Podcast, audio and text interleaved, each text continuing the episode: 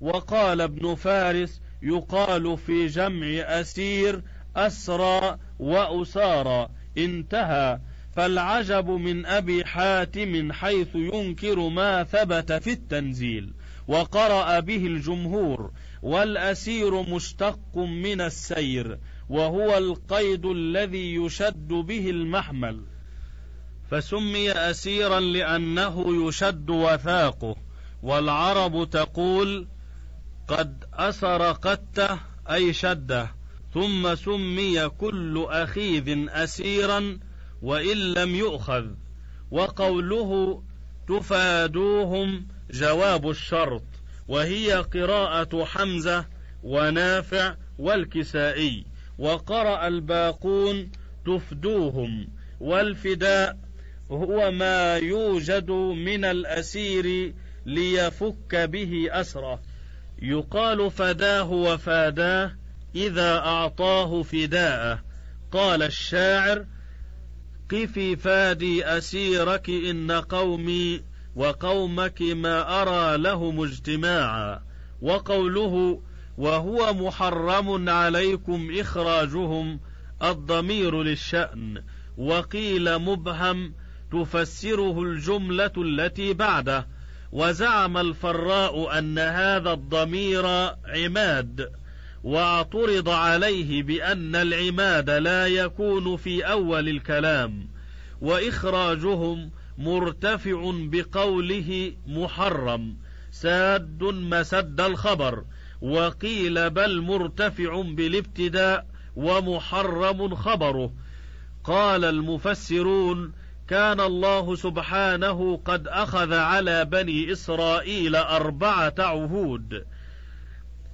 ترك القتل وترك الإخراج وترك المظاهرة وفداء أسراهم فأعرضوا عن كل ما أمروا به إلا الفداء فوبخهم الله على ذلك.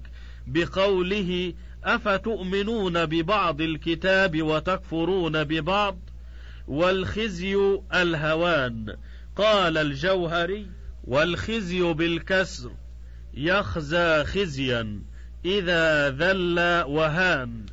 وقد وقع هذا الجزاء الذي وعد الله به الملاعين اليهود موفرا. فصاروا في خزي عظيم بما ألصق بهم من الذل والمهانة بالقتل والأسر وضرب الجزية والجلاء وإنما ردهم الله يوم القيامة إلى أشد العذاب لأنهم جاءوا بذنب شديد ومعصية فظيعة. وقد قرأ الجمهور يردون بالياء التحتية وقرأ الحسن بالفوقية على الخطاب وقد تقدم تفسير قوله وما الله بغافل عما يعملون وكذلك تفسير اولئك الذين اشتروا وقوله فلا يخفف أخبار من الله سبحانه بان اليهود لا يزالون في عذاب موفر لازم لهم بالجزيه والصغار والذله والمهانه فلا يخفف عنهم ذلك أبدا ما داموا ولا يوجد لهم ناصر يدفع عنهم ولا يثبت لهم نصر في أنفسهم على عدوهم. وقد أخرج ابن إسحاق وابن جرير وابن أبي حاتم عن ابن عباس في قوله وإذ أخذنا ميثاق بني إسرائيل قال يؤنبهم أي ميثاقهم. وأخرج ابن جرير عن ابن عباس في قوله وقولوا للناس حسنا. قال الأمر بالمعروف والنهي عن المنكر. وروى البيهقي في الشعب عن علي في قوله وقولوا للناس حسنا. قال يعني الناس كلهم.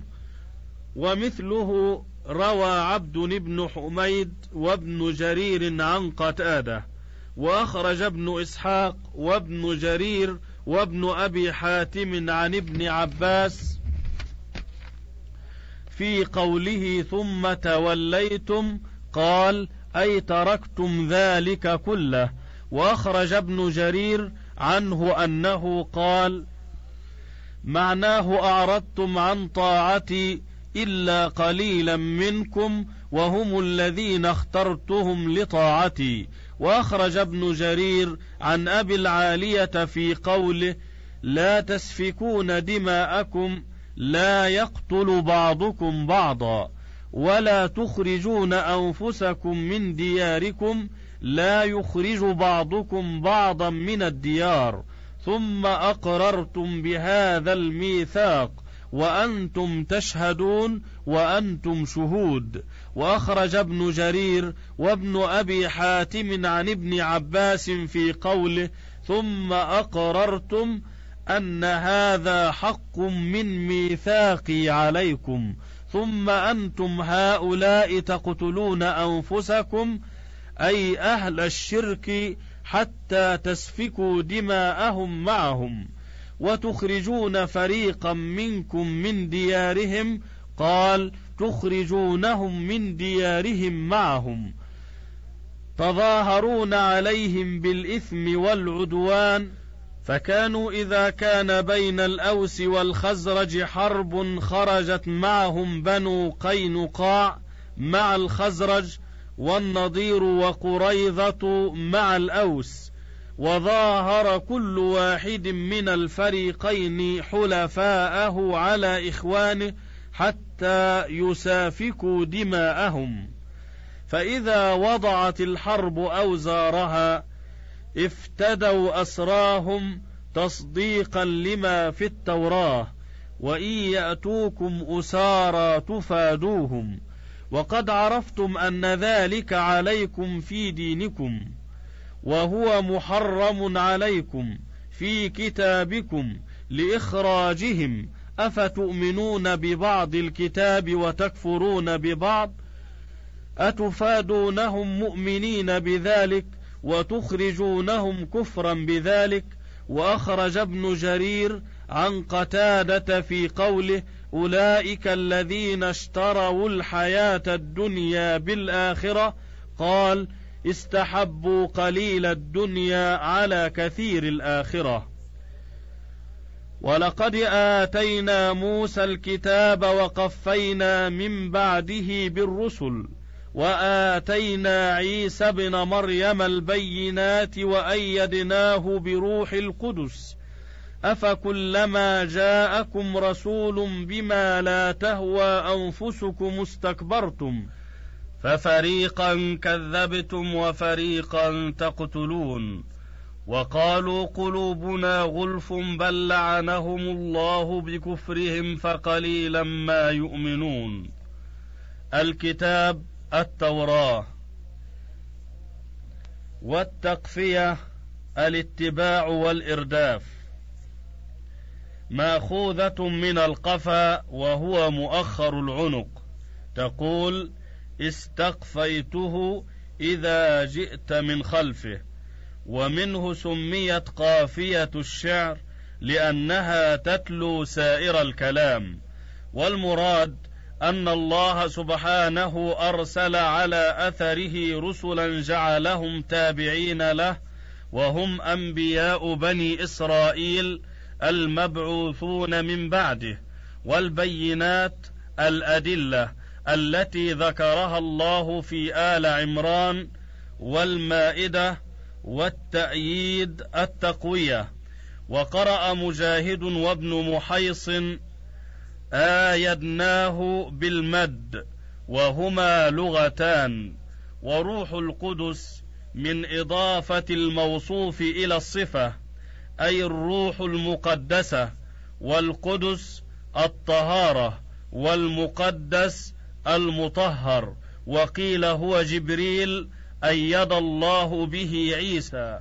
ومنه قول حسان وجبريل أمين الله فينا وروح القدس ليس به خفاء. قال النحاس وسمي جبريل روحا وأضيف إلى القدس لأنه كان بتكوين الله له من غير ولادة.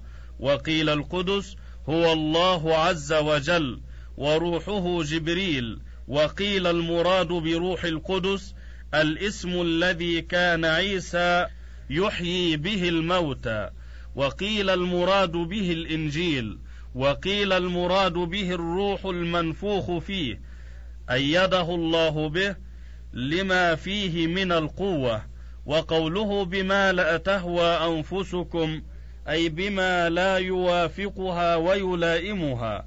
وأصل الهوى الميل إلى الشيء. قال الجوهري وسمي الهوى هوى لأنه يهوي بصاحبه إلى النار. وبخهم الله سبحانه بهذا الكلام المعنون بهمزة التوبيخ فقال أفكلما جاءكم رسول منكم بما لا يوافق ما تهوونه استكبرتم عن إجابته احتقارا للرسل واستبعادا للرسالة والفاء في قوله أفكلما للعطف على مقدر أي آتيناكم يا بني إسرائيل من الأنبياء ما آتيناكم أفكلما جاءكم رسول وفريقا منصوب بالفعل الذي بعده والفاء للتفصيل. ومن الفريق المكذبين عيسى ومحمد ومن الفريق المقتولين يحيى وزكريا. والغلف جمع أغلف المراد به هنا الذي عليه غشاوة تمنع من وصول الكلام إليه. ومنه غلفت السيف أي جعلت له غلافا. قال في الكشاف هو مستعار من الأغلف الذي لم يختن. كقوله قلوبنا في أكنة مما تدعونا إليه. وقيل إن الغلف جمع غلاف مثل حمار وحمر.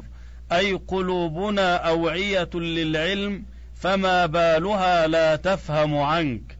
وقد وعينا علما كثيرا فرد الله عليهم ما قالوه فقال بل لعنهم الله بكفرهم وأصل اللعن في كلام العرب الطرد والإبعاد.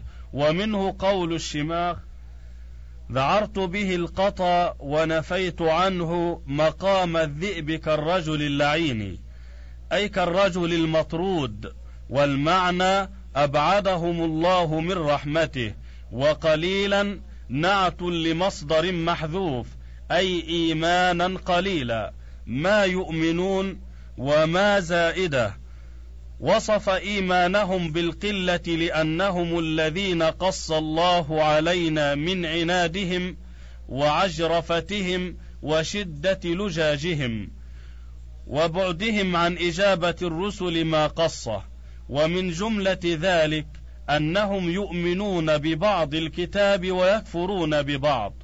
وقال معمر المعنى لا يؤمنون إلا قليلا مما في أيديهم ويكفرون بأكثره. وعلى هذا يكون قليلا منصوبا بنزع الخافض.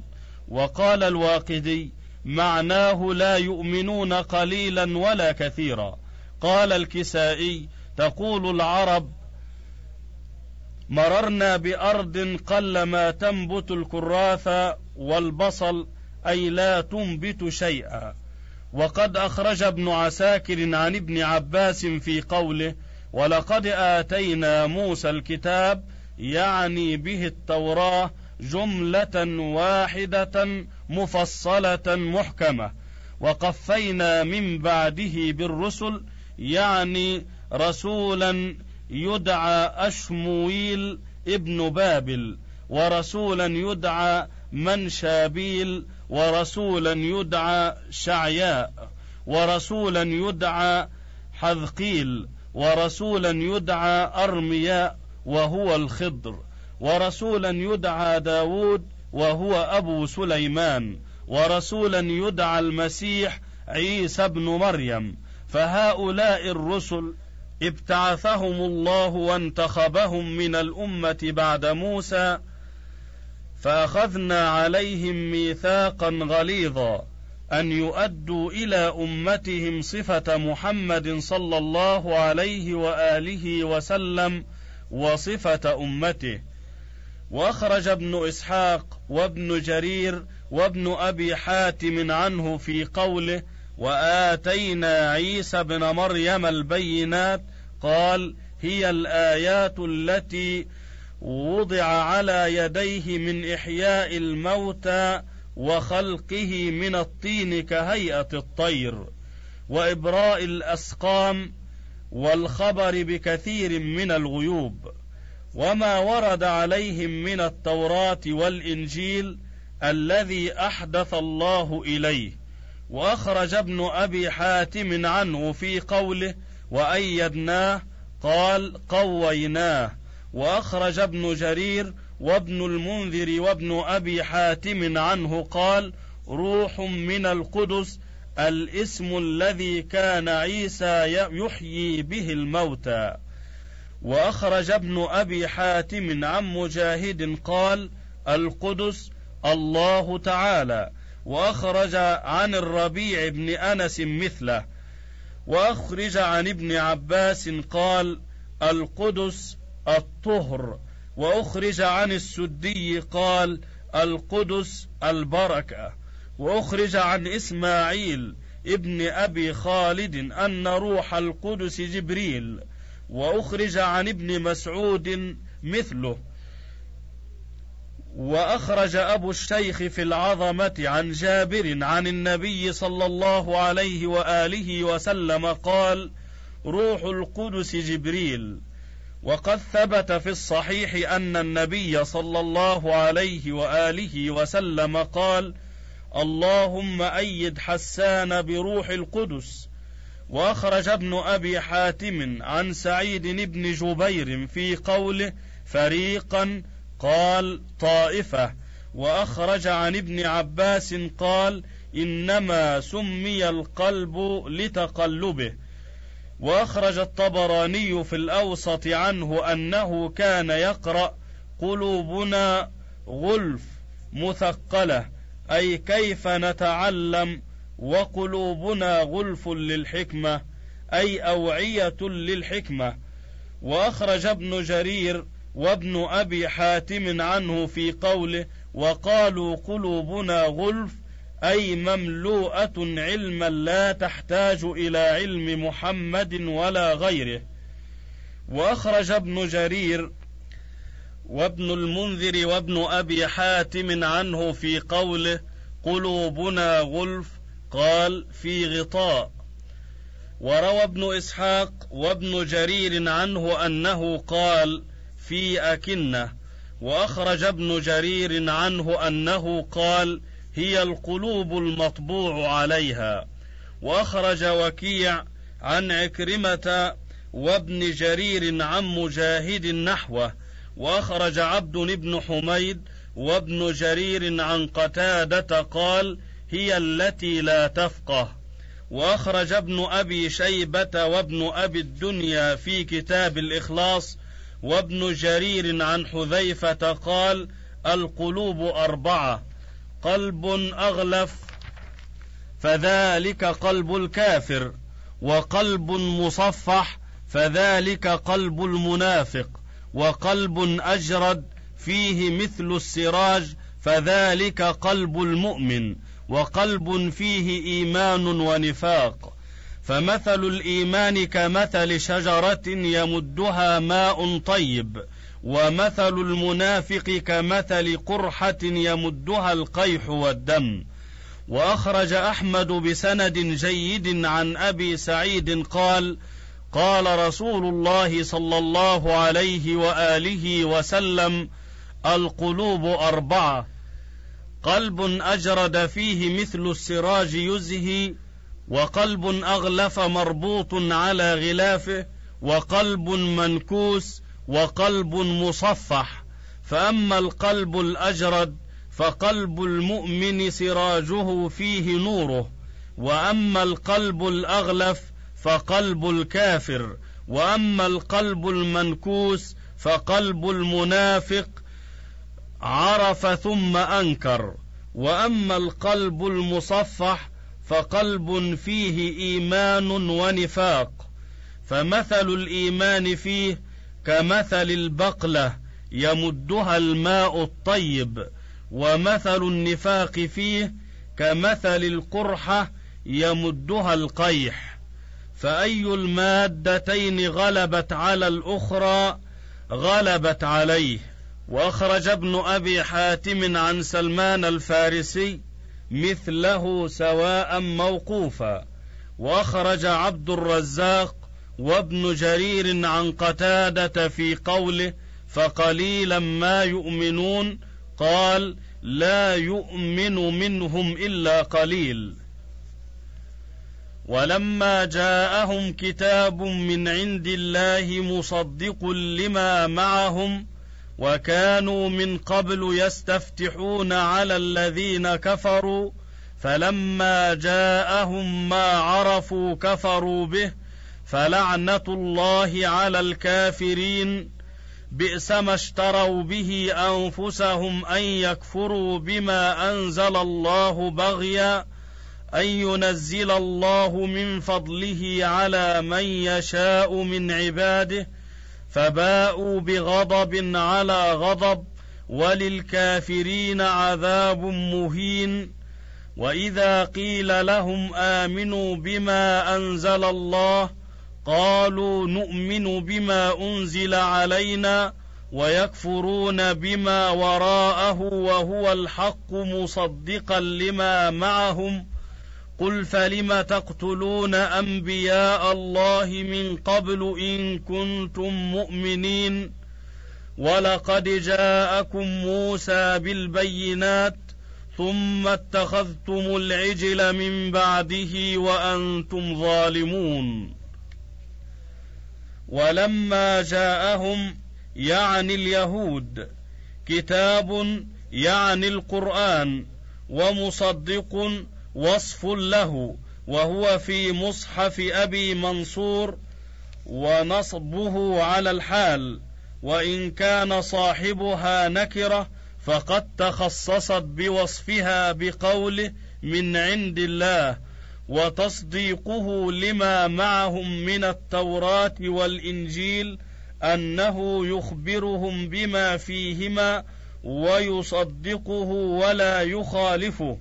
والاستفتاح الاستنصار أي كانوا من قبل يطلبون من الله النصر على أعدائهم بالنبي المنعوت في آخر الزمان الذي يجدون صفته عندهم في التوراة.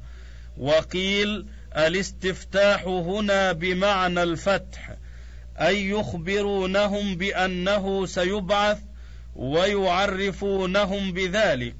وجواب لما في قوله ولما جاءهم كتاب قيل هو قوله فلما جاءهم ما عرفوا وما بعده وقيل هو محذوف أي كذبوا أو نحوه.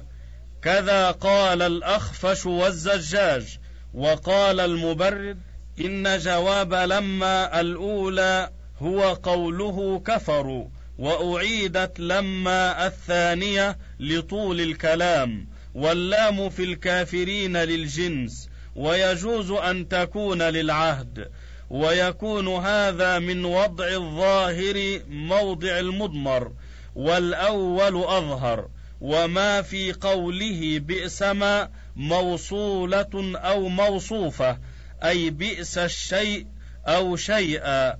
اشتروا به أنفسهم قاله سيباويه وقال الأخفش ما في موضع نصب على التمييز كقوله بئس رجلا زيد وقال الفراء بئس ما بجملته شيء واحد ركب كحبذا وقال الكسائي ما واشتروا بمنزلة اسم واحد قائم بنفسه والتقدير بئس اشتراؤهم أن يكفروا وقوله أن يكفروا في موضع رفع على الابتداء عند سيباوي وخبره ما قبله وقال الفراء والكسائي إن شئت كان في موضع خفض بدلا من الهاء في به.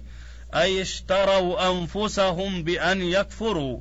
وقال في الكشاف إنما نكرة منصوبة مفسرة لفاعل بئس بمعنى شيئا اشتروا به أنفسهم والمخصوص بالذم أن يكفروا واشتروا بمعنى باعوا وقوله بغي أي حسد قال الأصمعي البغي مأخوذ من قولهم قد بغى الجرح إذا فسد وقيل أصله الطلب ولذلك سميت الزانية بغية وهو علة لقوله اشتروا وقوله أن ينزل علة لقوله بغيا أي لأن ينزل والمعنى أنهم باعوا أنفسهم بهذا الثمن البخس حسدا ومنافسة أن ينزل الله من فضله على من يشاء من عباده.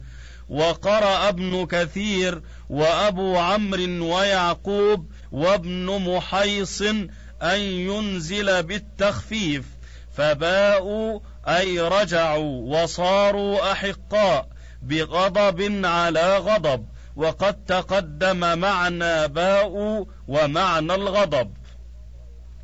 قيل الغضب الأول لعبادتهم العجل والثاني لكفرهم بمحمد وقيل كفرهم بعيسى ثم كفرهم بمحمد وقيل كفرهم بمحمد ثم البغي عليه وقيل غير ذلك.